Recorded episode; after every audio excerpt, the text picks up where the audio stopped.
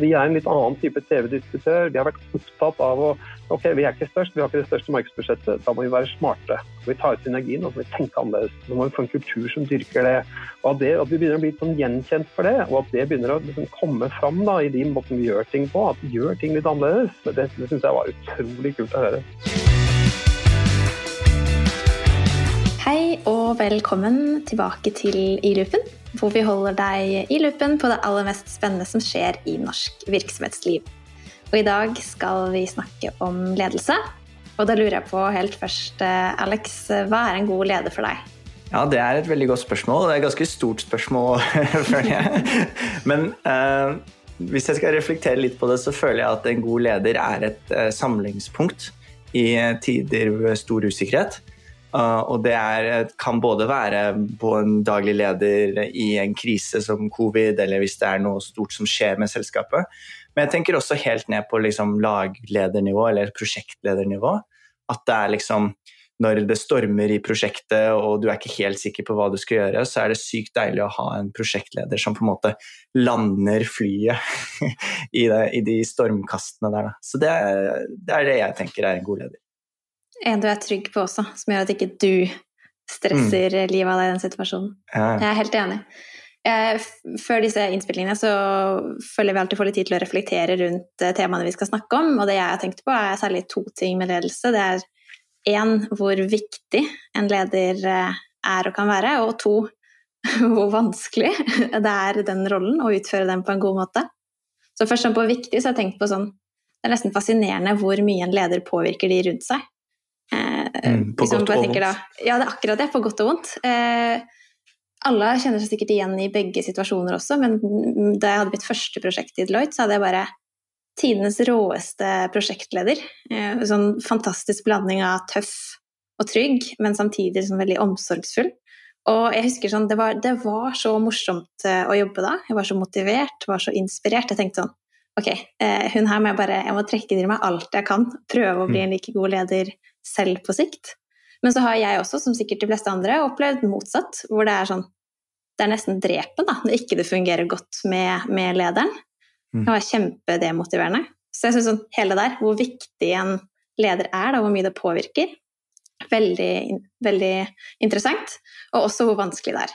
Eh, hvor kompleks det er, den rollen som leder. Eh, og inntrykket mitt er at her er det bare å her er det bare å åpne seg opp, og så er det bare å ta til seg alt man kan av andres erfaringer, hva man selv syns funker og ikke funker. Eh, og ja, egentlig bare lære hele veien. Og i dag så skal vi jo få gjøre akkurat det. Vi skal få lære fra to veldig erfarne ledere. Mm. Eh, den første gjesten jeg skal introdusere i dag, det er eh, en som virkelig har fått testet lederegenskapene sine i det siste. Det er nemlig Bjørn Ivar Moen, som er CEO i Alente. Og han har da ledet den prosessen der Kanal Digital og Viasat har gått sammen og blitt til nettopp eh, Alente. Velkommen, Bjørn Ivar. Tusen takk. Veldig hyggelig å være her. Vi gleder oss så masse til å høre om den reisen du har vært igjennom nå. Den har vært interessant. og I tillegg til uh, Bjørn Ivar så har vi også med vår egen ekspert på ledelse, Eva Gjøvikli, partner i Human Capital her i Deloitte. Velkommen skal du være. Takk skal du ha, Alex.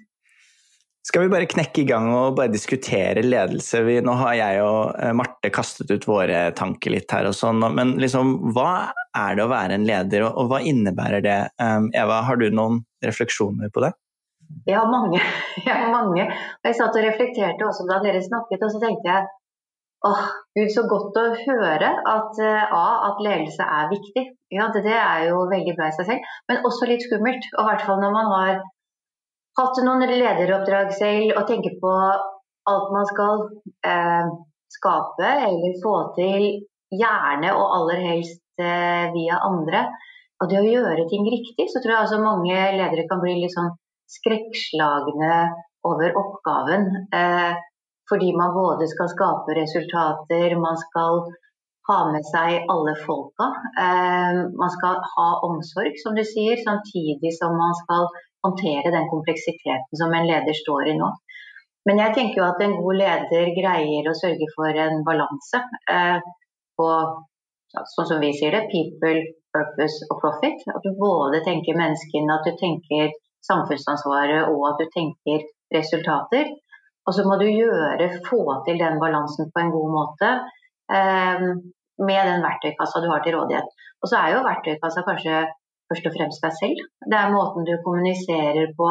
Det midtpunktet, det å være et samlingspunkt som du snakket om, Alex, eller den tryggheten man skaper. Hvordan skal man bruke seg selv som verktøy? Hvordan skal man kommunisere på en god måte for å få til dette? Er, eh, men jeg syns det, det, er en stor grad av kompleksitet i, i ledelse. Og det, det, har kanskje bare blitt mer og mer. Fordi det er store endringer, det er krevende beslutninger, det krever tverrfaglighet, man må samarbeide. Ja, det er, det er mye å være leder. Er du ikke enig, Bjørn Ivar? Jo da, absolutt. Jeg syns dere er innom veldig viktige og riktige poenger. da. Veldig sånn enkelt definert så er jo det å være leder det er jo å ta ansvaret for noe sammen med noen, om det er et prosjekt, eller en avdeling eller en virksomhet. Og sammen så sørger du for at du leverer det som er ambisjonen med det området. Det er jo liksom den litt sånn enkle bestillingen. Og så er det mange måter å måle den suksessen på. Og så er det jo uendelig mange mer ting enn det. ikke sant? Fordi det er å inspirere, det er å sette retning, det er å ta beslutninger, det er å stå imot når det blir vanskelig. Det er utrolig sammensatt og veldig spennende utfordring.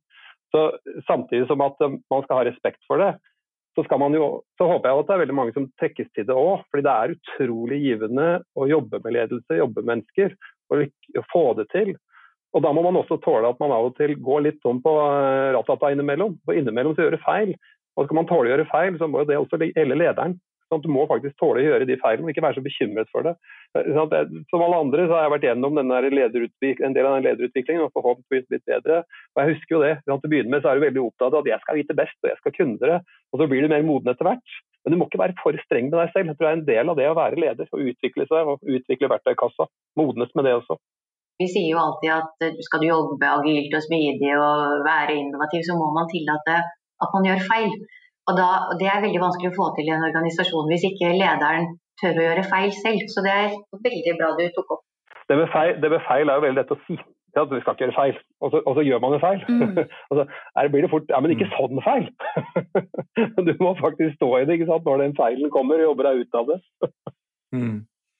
Hva, jeg ser begge dere to snakke om ledelse med litt sånn uh, sparkle i øynene. Hvem er det, Når dere tenker en god leder, hvem er det som inspirerer dere? Hvem er en god leder hos, når dere tenker sånn er en, dette er det jeg aspire to be? ja, det er jo et stort spørsmål, da, hvis jeg skal si noe om det. Men eh, og det Vanligvis så tenker man liksom da på profilerte ledere og sånn. Jeg, jeg, jeg, har blitt veldig inspirert av uh, folk jeg har jobbet sammen med. Mm. Jeg hadde en kar som jeg jobbet sammen med da jeg var i Telenor som med kundeservice. Fantastisk dyktig. At kom inn, turte å se på etablerte sannheter, snu om på det og drive virksomheten framover. Fantastisk inspirerende. Og jeg synes Det er vel så inspirerende å se da eh, ledere som er litt sånn i nærområdet, eh, som man har sett mer på nært hold enn en de store profilerte Grasrota?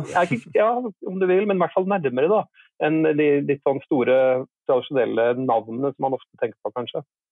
Jeg også um, kjenner på det at jeg er veldig opptatt av det som er Jeg liker at det er verdidrevet. Jeg liker at man har et større formål, at, er, at lederen er eh, Det er ikke lederen som skal stå i fokus, men eh, eh, oppdraget, det som skal skapes, at det er nyttig, at det har en impact. Jeg, veldig, jeg lar meg inspirere av ledere som tenker sånn.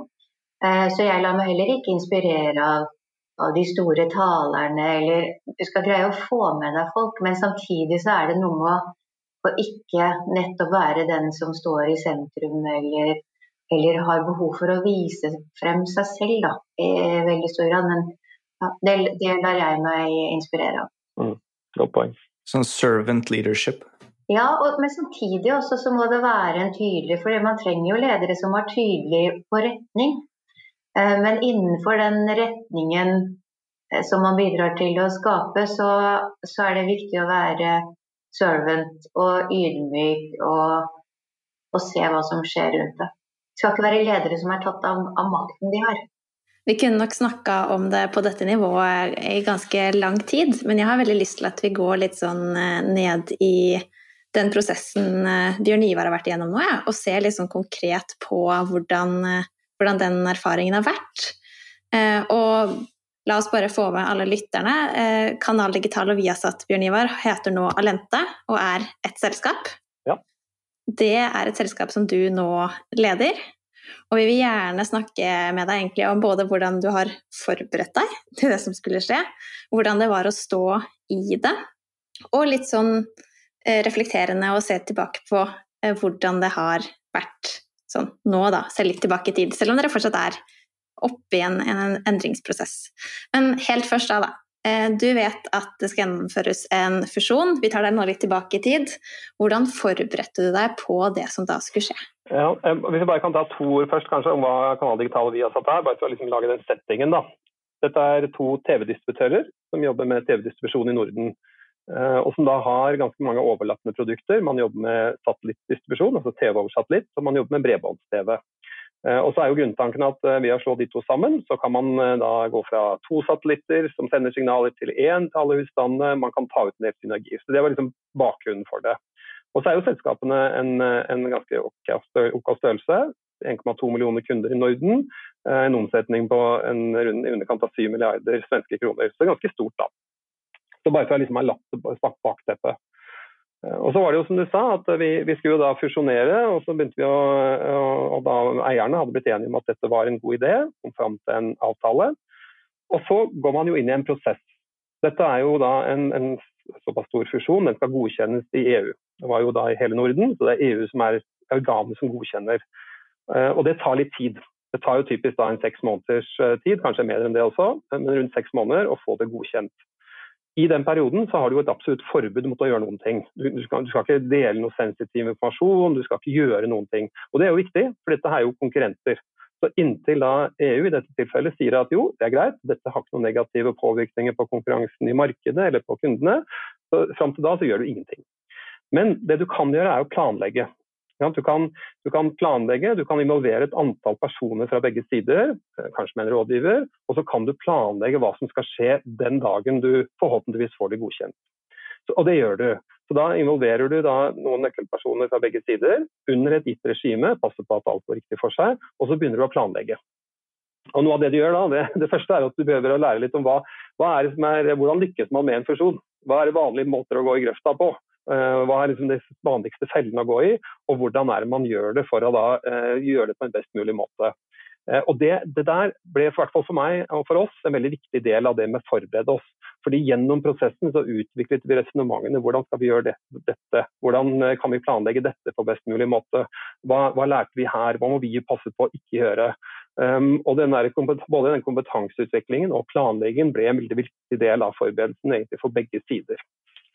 Altså Hvis jeg skal legge til noe, da, så er det kanskje det at eh, den modningen som skjedde gjennom det, fra egentlig da nøkkelpersoner på begge sider, den var veldig viktig. Eh, for den gjorde at du var mer forberedt på det som skulle skje når den dagen kom, når dette ble godkjent. Du nevner disse fallgruvene. Har du noen uh, eksempler på fallgruver som uh, man kartle har kartlagt? ja, det, fin det, finnes faktisk ganske mange.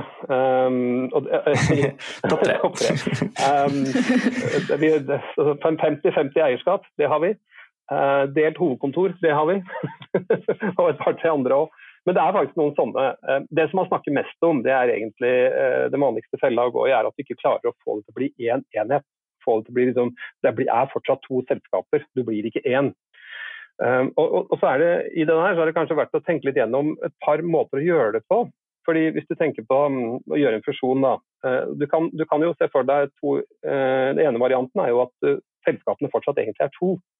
Fordi På dag én er det jo fortsatt to verdikjeder, det er to varemerker. Alt er liksom duplisert. da. Så lager du en sånn paraplystruktur på toppen og lar det kjøre sånn.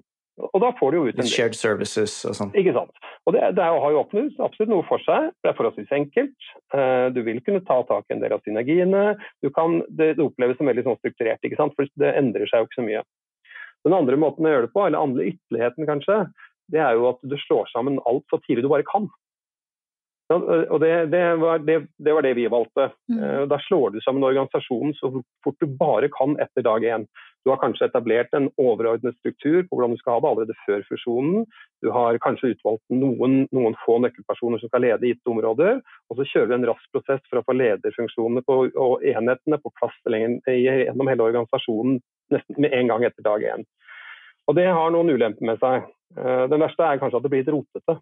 Fordi du går jo da fra å ha ansvaret for enten Kanal Digital eller Viasat, og så går du ansvaret for begge deler. Du for salget av begge deler. Så du må forholde deg til to verdikjeder, to backup-systemer osv. Så, videre. så det blir litt rotete.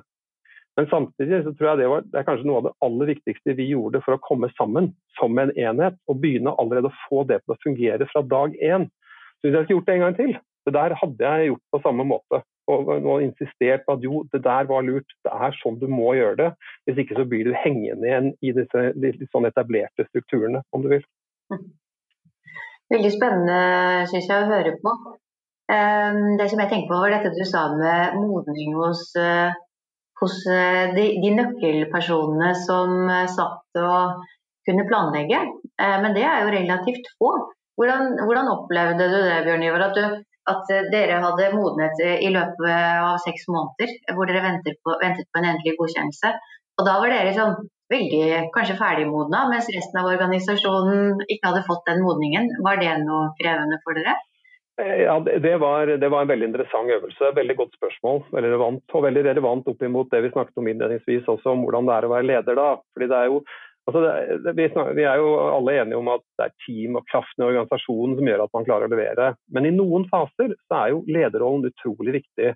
Og de, eh, Det at vi fikk på plass da noen nøkkelroller på begge sider, som var genuint opptatt av at jo, dette selskapet skal lykkes. Utrolig viktig.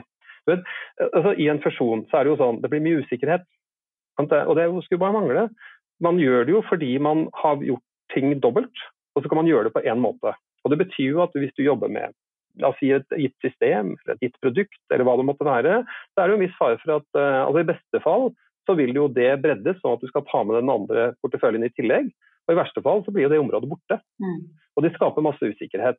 Og Det der gir grunnlag for spekulasjoner. Og så kommer det opp. Ja? Det kommer opp da som en, eh, som en, eh, som en, liksom en nyhet eller som et moment eller en linjerakett eller hva det måtte være. Nå har den bestemt seg for dette. Nå har de bestemt seg sånn. I vårt tilfelle så var det jo i tillegg sånn at jeg kom jo fra den ene siden. Jeg ledet jo Kanal Digital før, vi, før jeg ledet liksom fellesskapet. Og da, selv om eh, vi prøvde å være så nøytrale som bare mulig, så er det klart du blir lagt litt sånn der, litt bias blir det tillagt. Så da blir det litt spekulativ, ikke sant. Mm. At uh, dette har dere tatt en beslutning om allerede. Men vi ble veldig veldig tidlig enige om, uh, min motpart da, fra Viasat, uh, Jonas, utrolig dyktig fyr, og jeg, vi ble veldig tidlig enige om allerede når vi møttes første gangen, at vi må ha den derre hva er best for fusjonen i mente når vi kommer så langt. Så da har mindsetet vært hele tiden at når det kommer opp sånne ting, så er first order of business det er OK, Pust nå. Pust med maven. Få ned skuldrene. Finne ut hva som er situasjonen. Og så ser vi på fakta, og så tar vi en faktamessig riktig beslutning rundt det. Og Det der har vi praktisert også etter hvert som vi har kommet lenger. Og så har vi begynt å gjøre feil. ikke sant? Vi har gjort noen feil her og der, vi har bommet på det, bommet på det. Og, og det er jo ja, det er irriterende å gjøre feil, men samme mindsettet da, om at hmm, få ned skuldrene, pust med maven, finn ut hva som er situasjonen, og work the problem. Eh, og Det der tror jeg er ubeskrivelig viktig i en sånn fusjon som det vi har vært gjennom. At du får det der, eh, det mindsettet til å sitte. Og Det signaliserer, det gjør at du gjør ting rasjonelt og riktig, tror jeg. Eh, og det signaliserer ro signaliserer tro, og det er med på å bygge kultur. At du faktisk da, at uh, nøkkelpersonene vil det beste for, for selskapet og for fusjonen. Mm. Det, det, høres jo også ut som at noe som er veldig viktig i dette, er den transparensen utad da. At dere får kommunisert nettopp den, få bort den tvetydigheten, den spekulative aspektet ved sammenslåing ved å være transparente og tydelig kommunisere hele veien med de ansatte og eksterne sikkert, hva dere tenker, hvorfor dere tenker sånn, og at, eh, at dere har faktisk gjennomveid det her. da. Veldig, veldig viktig. Og dette med kommunikasjon utrolig viktig hele veien gjennom. da. Eh, fordi, eh, altså, det er sånn interessant, fordi når man, når man, da planlegger opp til dag én, ikke sant?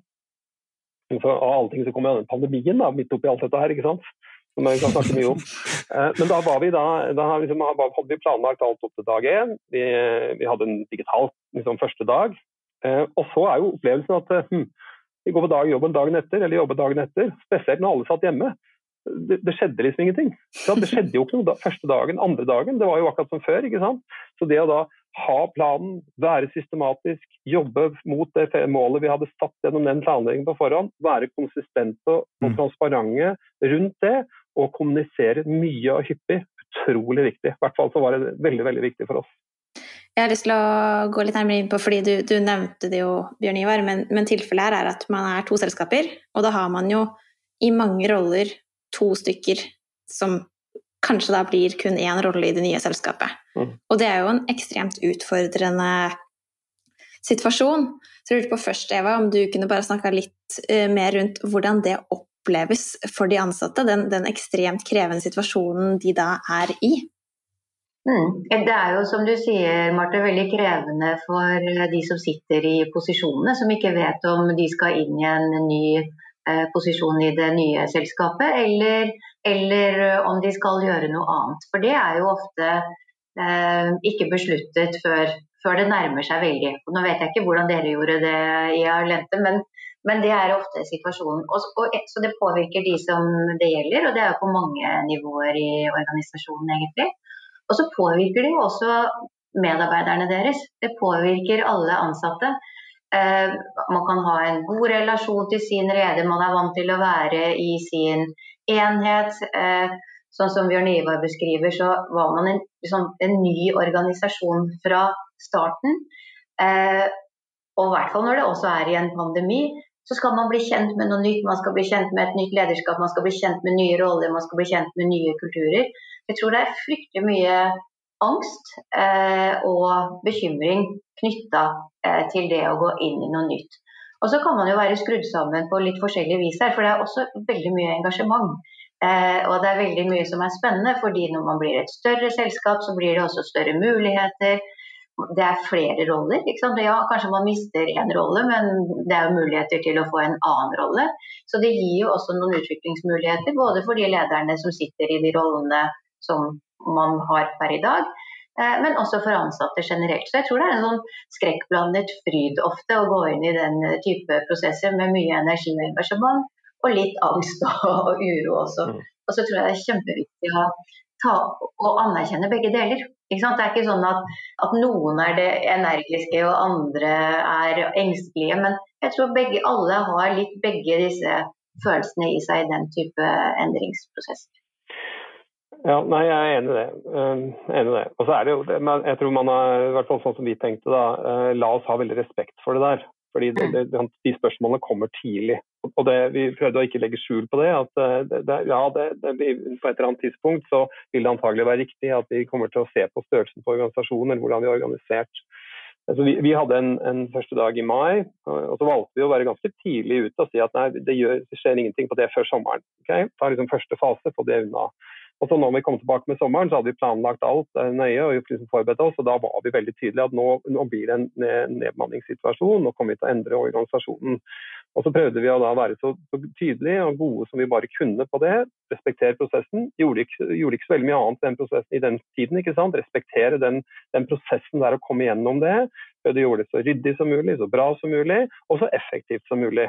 Og det med effektivt tror jeg faktisk er veldig viktig i en sånn prosess, fordi av og til så tar det litt for lang tid. Mm. Og i hvert fall En ting som jeg opplever, det er at det er mye viktigere å få en beskjed enn at det, liksom, det, det, tar, liksom, det, tar, ja, det kan ta veldig lang tid. Eh, og det, og det er en litt ekstra utfordring òg når du skal det på nordisk basis, da, fordi vi er jo da i fire land.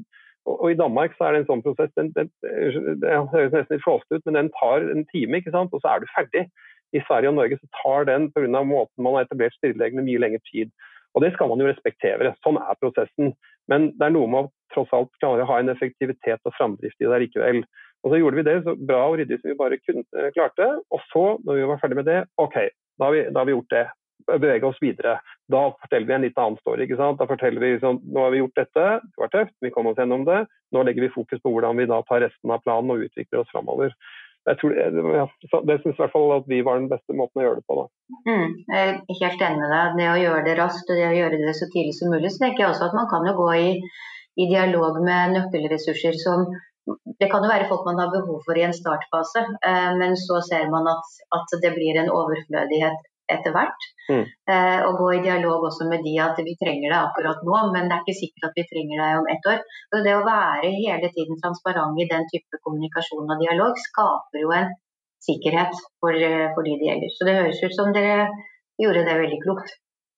Vi syns i hvert fall at vi fikk det til å fungere. og det, sånn, jeg tror eh, det, er transparent, det, tror jeg, det har med respekt å gjøre i, min, i mitt hode. da, fordi man, sånn, De som jobber i en organisasjon som dette, de kan jo jobben sin, de forstår jo dette. så det, sånn, Du står der på å være transparent og tydelig, selv om det er et tøft budskap du til syvende og sist kommer med. Eh, det er en del av reisen. da. Hvordan opplevde du, fordi først eh, har du da, Bjørn Ivar, ledet Kanal Digital, og så står du da i dette fusjonsløpet. Eh, var det store forskjeller på eh, rollen din som leder i Kanal Digital og i denne fusjonsprosessen? For jeg bare ser for meg at bl.a. nå sånn som vi snakker om, da, alle de folka du har med deg, mm. eh, går fra en sånn relativt sånn trygg, god eh, arbeidshverdag, og så får man vite at her skal det skje noe. Og så, Vi var inne på det, men sånn helt muntlig sagt ser jeg for meg at en del folk blir litt på tuppa. Mm. Fordi nå skjer det noe nytt, eh, ting skal endres, eh, usikkerheten kommer inn jeg ser for meg at eh, rollen din som leder og forventninger, arbeidsoppgaver, at de endrer seg en del da, fra første scenario til andre. Hvordan har du opplevd det? Eh, ja jo, ja, jo, på mange måter så har du rett, absolutt. Um, for det er noe med oppgavesettet som ser litt annerledes ut. da. Når du leder en virksomhet som Kanal Digital, og jeg var jo lenge Telenor før det også, så, som, er, som, ikke er i en sånn fusjonsprosess, så leder jo den virksomheten ut fra den virksomhetens premisser og utvikler den så godt du kan. ikke sant? Og organisasjonen og, og lederen jobber med det. Uh, mens i fusjonsprosessen så tar jo den agendaen veldig over. Det er om å gjøre å få planlagt det godt, det er om å gjøre å få gjort det. Det er forventninger fra de som er aksjonærer og eiere om at denne fusjonen skal jo levere det som var intensjonen. Så, så det blir veldig sånn, eh, Oppgavesettet blir veldig orientert rundt den siden av det. da. Og så vil jeg nok si at uh, syvende og sist, da, mange av de verktøyene du bruker, sånn ledelsesmessige verktøy osv., de er jo mange av de samme. Altså, du, må, du, du, må ha, sånn du, må, kjøre det ryddig, du må ta de nødvendige beslutningene, du må peke ut retningen, du må, få, du må engasjere, du jobber med engasjement i organisasjonen. Så veldig mange av de tingene, og det, det verktøyskrinet du bruker om du vil, er jo mye av det samme. da. Så både forskjeller og ulikheter vil jeg kanskje sagt. og så, du kan kanskje legge til, da, det er, det er kanskje litt sånn siden av det du spør om, men likevel. Det er, eh, det er, man fusjonerer jo to selskaper. I utgangspunktet så gjør de to selskapene akkurat det samme. Det er TV-distributører, de har samme produkter, de har eh, de samme kanalpakker. Det er veldig mange ting som er overlappende. Og Det er nesten helt utrolig hvor forskjellige ting kan gjøres. Hvor ulikt man kan lage verdikjeder og prosesser og fullmakter og alt mulig. Og det der, Apropos liksom ting som man kanskje undervurderer, da, hvor, hvor, hvor, hvor, gjennomgående det problemet er, eller den utfordringen er når du skal slå det sammen, den, den har vært kanskje litt overraskende. Hvor, liksom, hvor mange forskjeller det var. da. Jeg har faktisk vært med på en sånn eh, fusjonsprosess med en kunde av Deloitte, og det var helt sinnssykt. Altså, man blir helt sjokkert over hvor ulikt det går an å gjøre ting. Og det er så komplekst også. Det er liksom, Én ting er kultur og mennesker, men det er systemer, det er prosesser. Det er, sånn, det er helt sinnssykt. Mm, bare måten man gjør det på. Og så, får man da, og så har vi den randdimensjonen i tillegg. da. Og, og, eh, sånn, I utgangspunktet så burde disse to TV-selskapene være de samme. ikke sant? Eh, og I tillegg så har man det da Norge, Sverige og Danmark spesielt. Det er ganske lite det vi har i Finland. ikke så mange da. Men i utgangspunktet så tenker man spesielt Norge og Sverige, det er jo så likt. Men det er jo ikke. Det er mange forskjeller. ikke sant? Mm. Man ser ulikt på ting. Og så litt sånn episoder da. Vi, vi kjørte en, en, liten sånn kulturundersøkelse da, liksom, omtrent rundt fusjonstidspunktet. Og Da hadde man jo teorier, det var noen etablerte sannheter. Kanal Digital er sånn, vi har satt deg sånn. Og Så kom resultatet tilbake, og så var det jo faktisk motsatt. Det var motsatt av det der, de fordelene man rådde. Ok, hva, hva, gjør vi, hva i all verden gjør vi nå med dette, da? Men det å forholde seg til det, da. Fordi fakta det, det, hjelper jo veldig å få liksom, opp på bordet. Det var, det var sånn det var. ja. Så Når vi da begynner å jobbe med liksom, hva, hvordan vil vi at kulturen skal være, så har vi et litt annet og litt bedre utgangspunkt ved at vi bygger det på fakta. Det, høres jo litt ut som at hvis, hvis, motparten din er det du tror du selv var, da, så, så, er i hvert fall den kulturelle og den der sammenslåingen litt lettere, for da er det i hvert fall Du ønsker jo egentlig å være det motsiden er, da. Så det høres ut som det kunne vært en positiv ting. Godt poeng. Godt poeng. Men den, den reisen der har jo fortsatt òg. Nå har vi jo holdt på et år, ikke sant. Og den reisen om å liksom bygge det sammen, den fortsetter jo. En av, en av, de tingene som vi gjorde til å begynne med, var at vi var veldig opptatt av å snakke bruke mye engelsk. Mm. For å være sikker på at ikke vi fikk noe Og det er en måte å nøytralisere det litt på. ikke sant?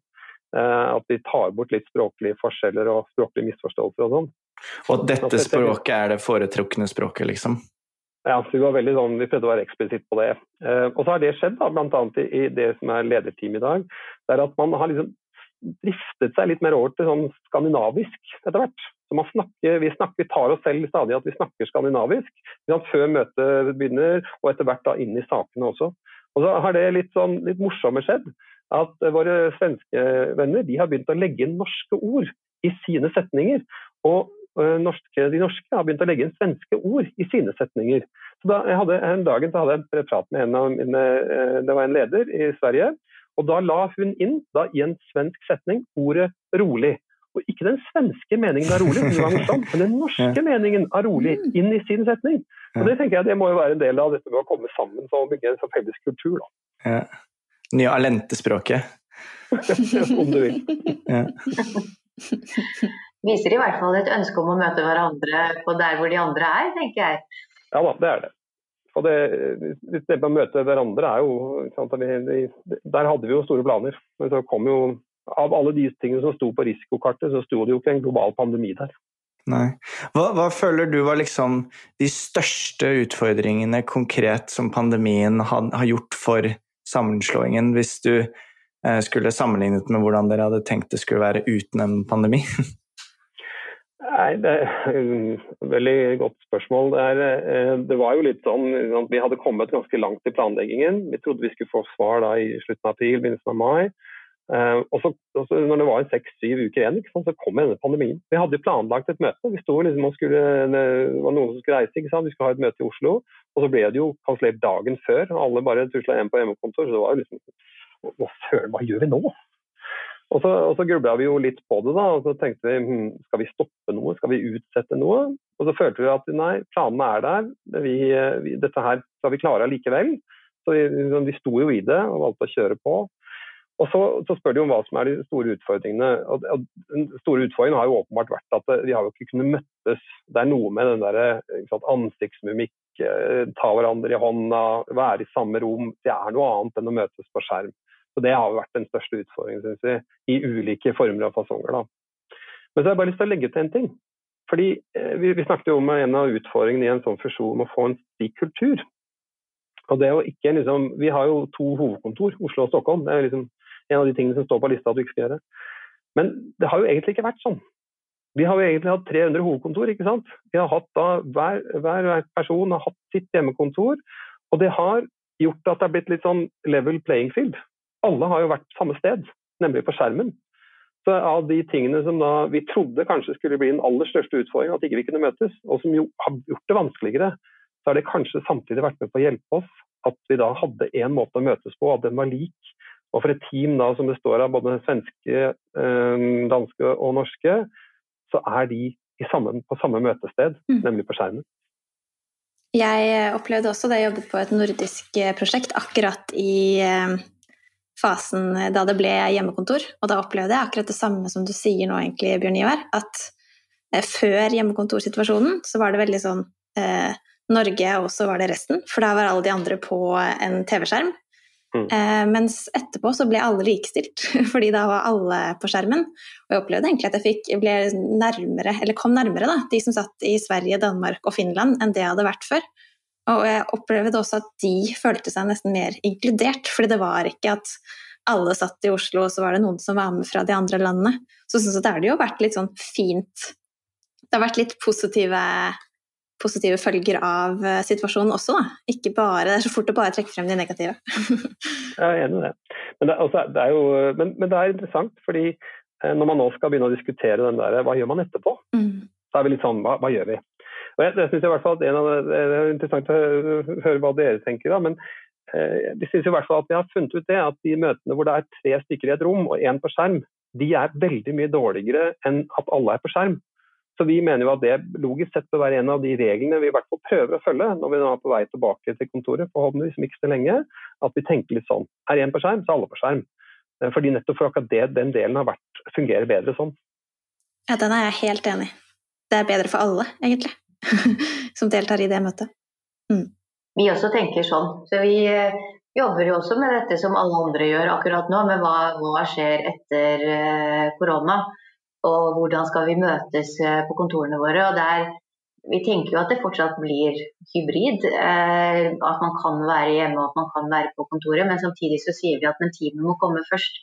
Og hvis, er, hvis, vi skal møtes, så skal vi møtes enten fysisk eller kanskje da at alle er på skjerm. Og så kan det være individuelle forskjeller her, at det er noen møter som, hvor det ene også fungerer, at noen er på skjerm og noen er fysisk. Men, men jeg tror det er et veldig viktig poeng at uh, man må ha noen sånne spilleregler eller retningslinjer, eller finne ut hvordan skal vi få dette til å fungere nå. Mm. Og akkurat dette med både virtuelt og fysisk, det er vel kanskje det som er vanskeligst å få mm. Men det er vel litt kanskje sånn som som mange andre temaer, da, tror vi. At, uh, altså for det første så er det jo helt fantastisk, syns jeg. Uh, vår opplevelse som mange andres, det er jo hva, hva, som er mulig å få til. Hva, hva, en organisasjon, et team, mennesker som er dedikerte til det de gjør, hva de klarer å lykkes med, selv om det da liksom, åpenbart er en dimensjon som mangler, da, siden man ikke kan møtes. Det syns jeg er utrolig. Og at denne funksjonen har vært mulig å få til, og at vi har kommet dit vi har, det er, det, det er vi veldig stolt av. Det syns jeg også imponerer. Og så er det kanskje noe om det når vi, når vi utvikler, liksom, da prøver å finne en formel framover. Da, fordi det blir sånn, Hva er den riktige måten å gjøre det på? Kanskje noe av svaret er da at uh, etablere noen regler, og så være åpen for å tune litt underveis.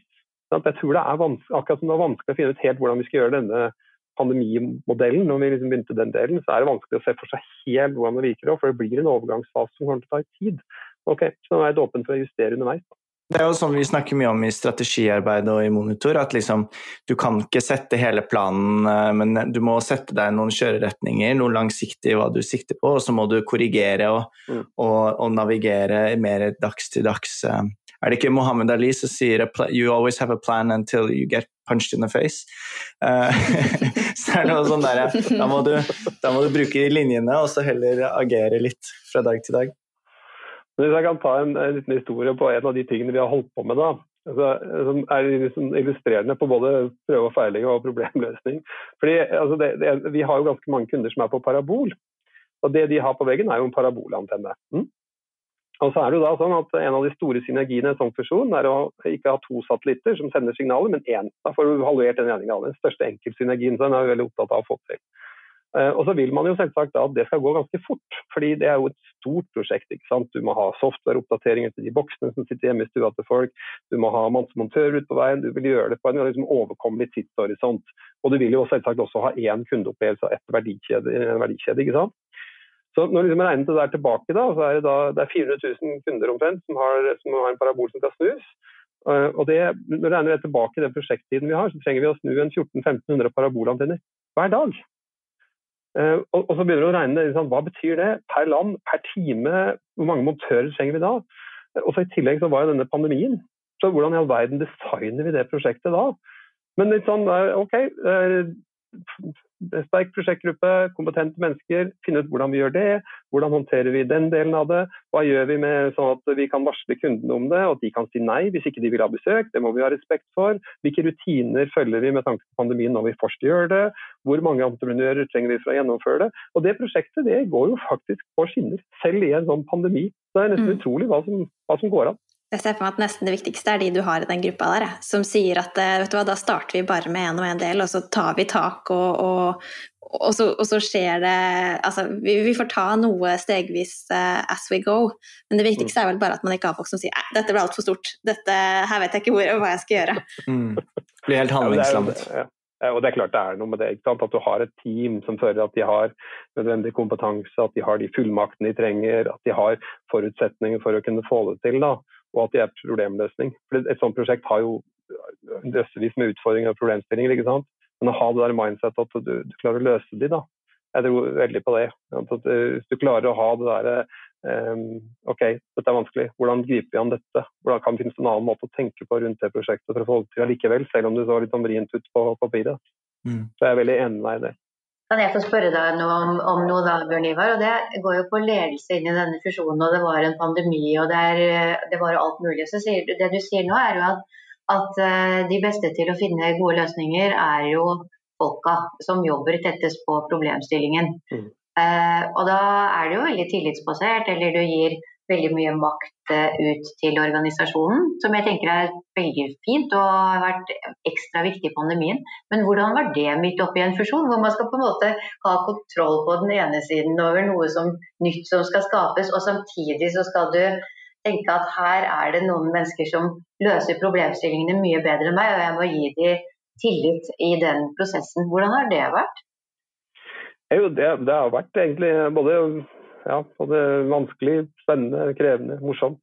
Men, men det er, vi har, ja, vi har vært heldige. Da.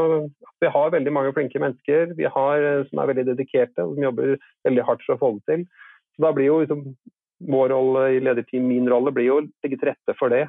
At vi tør da, å liksom, delegere nok kraft. At vi hjelper de så godt vi kan. At vi prøver å være tydelige på retningen og prioriteringene, men at vi virkelig da mener alvor når vi står i dette med delegering. Det er utrolig viktig. da. Mm. Um, og så er det vel kanskje noe av det som, som også er viktig. Da, at vi, vi, tør, vi, har, vi, har, prøvd å tørre å si at uh, kan ikke, vi kan gjøre mye på en gang, og vi gjør virkelig mye på en gang. Altså, jeg har jobbet med en del, vært inne i en del sånne tilsvarende endringsprosesser tidligere, med akkurat fusjon, og vi gjør veldig veldig mye på en gang. Um, men, men, selv om du klarer det, så er det viktig å tørre å si at det er noe som er viktigere enn noe annet. Um, og det er sant, Når du gjør denne fusjonen i den første fasen, det handler om at du, du må få ting til å funke. ikke sant? Det er, det er en teknisk fusjon som skal skje. Det må gjøres. Du må få ivaretatt kundene dine. ikke sant? De må få svar på det de lurer på. Du må passe best mulig på kundene dine. Du må få disse første delene til å fungere, sånn at du klarer å få oversikt over virksomheten. Du må få tatt tak i disse viktigste synergiene, for det forventer alle. Du må tørre å si at noe er viktigere også, og følge den planen du har gjort. Og at du ikke du da setter i gang altfor mange ting samtidig. Vi må få inn litt refleksjoner også, dere, eh, på tampen. Eh, og da lurer jeg på, Bjørn Ivar, om du kan trekke frem noe som du skulle ønske at du gjorde litt annerledes? Det må jo være noe? Ja, ja, absolutt. Som jeg sa, vi har gjort nok av feil. Um, og, det, og, det, har vi, altså. Vi har gjort en del blemmer underveis. Um, et eksempel er at vi, vi valg, gjorde noen valg når vi organiserte opp virksomheten eh, tidlig. Um, og En av de var, var liksom min kjepphest. og sa at no, vi, vi, deler opp markedsområdet disse, på denne måten. Um, og Så etablerte vi det, og så kjørte vi det, og så så vi etter en stund at det der ble ikke helt bra. Det der var ikke den beste måten å gjøre det på. Um, men så OK, uh, får vi stå i det da, og så gjøre, gjøre, det om. Og så har vi prøvd å ha det mindsettet når vi har gjort en del sånn, noen valg her og der som har vært gærne. Prøvd å si at OK, vi får stå for det òg, og så gjør vi om, og så beveger vi oss framover. Og det er, vel, det er, vel, først og fremst kanskje der i noen sånne valg at jeg føler at vi har bommet litt. da. Dette kunne vi gjort smartere, dette kunne vi kanskje tenkt enda litt mer igjennom. Men, men så vet jeg ikke Det er ikke det at eh, ikke vi kjenner at vi har gjort noe feil her og der. men det er noe med å, å, tørre å ta de beslutningene også, og, og heller gjøre det om. da, du, mm. Fordi du kan fort fortape deg i en litt sånn evig planleggingsmodus, og det, det, er ikke bra heller. da. Så basically heller bedre å ta avgjørelsen, finne ut at det var feil, ok, men da fant vi ut at det var feil, da. Og så kan vi heller mm. gjøre noe annet enn å fortsatt sitte fast i planleggingen og ikke vite. Eh, eller ikke være noe smartere. Ja. Og heller gjøre det på en sånn begrenset måte, slik at risikoen der er minst mulig, og du kan få mest mulig læring av minst mulig tap. ja, jeg er enig i det. Og Hvis du tenker liksom på hva, hva har liksom vært de viktigste utfordringene når vi ser liksom tilbake fordi Vi føler jo at vi har kommet så langt nå at jo, dette, dette, har jo på ganske mange måter gått bra. Så er det kanskje noen ting som går igjen. da. Uh, det er, det er um, dette, dette, med kultur er en, skal man ikke undervurdere det. Fordi det, Selv etter en stund så er det sensitivt. Eh, vi hadde et allmøte hvor det var bare norske som presenterte fra scenen. og Da fikk vi fort kommentarer på det. ikke sant? Være sånn obs på det ganske lenge etterpå, det tror jeg er viktig. da. Altså, respektere begge sider, respektere at man skal prøve å bygge en felles kultur. Um, det, vi var inne på dette med ulike måter å drive på, og ikke undervurdere det. Det syns jeg har vært en viktig utfordring. Og så tror jeg kanskje noe av det som har vært som, er veldig krevende, det er at du ender opp med en agenda som er veldig stor. At du får veldig mange ting du skal gjøre og ting du skal justere. Eh, og det å eh, minne selv om at du skal ha fokus på kunden hele tida. Det er kunden som betaler for eh, den jobben, som skal ha den leveransen han har krav på. Vi skal ta godt vare på kunden. Det er, det er krevende. altså. Så liksom Virkelig være besatt opptatt av kunden hele veien. Krevende. Det, jeg, altså det, er jo krevende å ha kunden i fokus til hverdags. Det ser vi når vi er ute hos våre kunder, at det er liksom veldig om hvordan vi jobber og hvordan vi leverer. Og jeg kan jo se for meg i en sammenslåing, da er det i hvert fall navlebeskuende. og liksom hva, Hvordan skal vi gjøre dette best mulig? Og så glemmer man kunden, som er litt av grunnen til man gjør det. Mm, det er topp.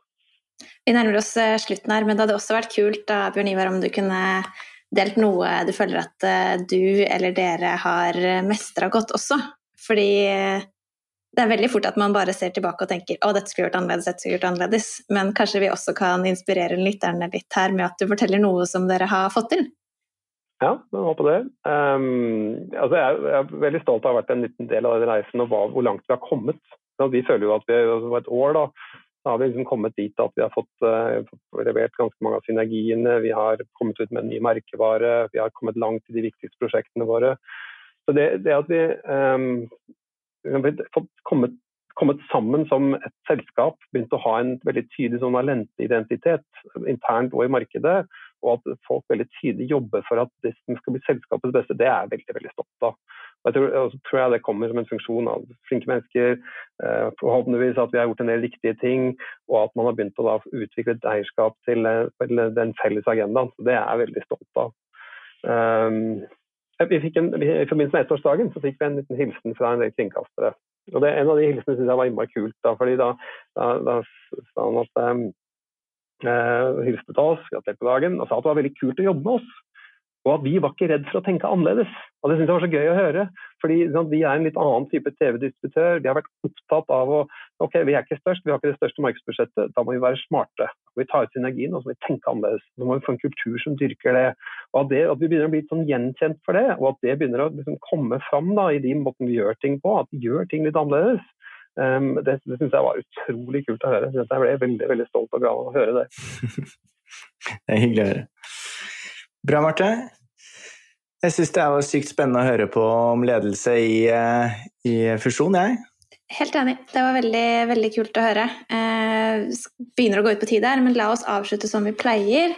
Og da har vi lyst til å spørre dere begge to, eh, Eva og Bjørn Ivar, hva er den viktigste tingen dere vil at lytterne skal ta med seg fra denne episoden? Kanskje du kunne begynt, Eva? Ja, jeg har, jeg har sittet og lært veldig mye selv. Så det har vært innmari gøy. Og det jeg syns jeg har lært, er, eh, som Bjørn Ivar har snakket om, det er pass på dette med organisatorisk rettferdighet og fordeling av goder. Sånn at det ikke bare er den ene selskapet eller den andre, eller, men at, at det er ganske jevnt fordelt. Og så syns jeg at jeg har lært at uh, man skal kjøre ryddige prosesser. Det er veldig mye fokus på hvordan skal man strukturere opp og kjøre en god og ryddig prosess. Få til gode strukturer. Og så er det et ord som Bjørn Ivar har brukt ganske mye, som har vært respekt. Og det å ha en interaksjon med andre som er bygget opp rundt uh, respekt, det syns jeg også har kommet veldig godt frem her. Så rettferdighet, gode prosesser og respekt. Mye læring i det. Ja. Bjørn Ivar? Ja, nei, Jeg syns det var veldig gode poenger. Jeg vet ikke om jeg kan klare å toppe det på en måte. Hvis, hvis, hvis, jeg skal kanskje si én ting, da, så det er, det er fantastisk hva som går. Selv, selv, i en pandemi. Og selv når det er sånn oppoverbakke kan føles vanskelig, så er det nesten utrolig hva som faktisk er mulig. Da, og hva, hva, hva hva, hva, som er mulig å få til, og som man klarer å løse av problemer også i en sånn setting. Så det er kanskje en ting å ta med seg, det òg. Kjempebra. Da burde vi vel rappe opp denne episoden, Marte. Eh, det har vært sykt interessant å høre både fra deg, Bjørn Ivar, og deg, Eva. Eh, og eh, vi runder av der for i dag. Vi kommer med en ny episode om to uker, men i mellomtiden så sier vi vel som vi vanligvis sier, Marte. Vi, vi høres. høres.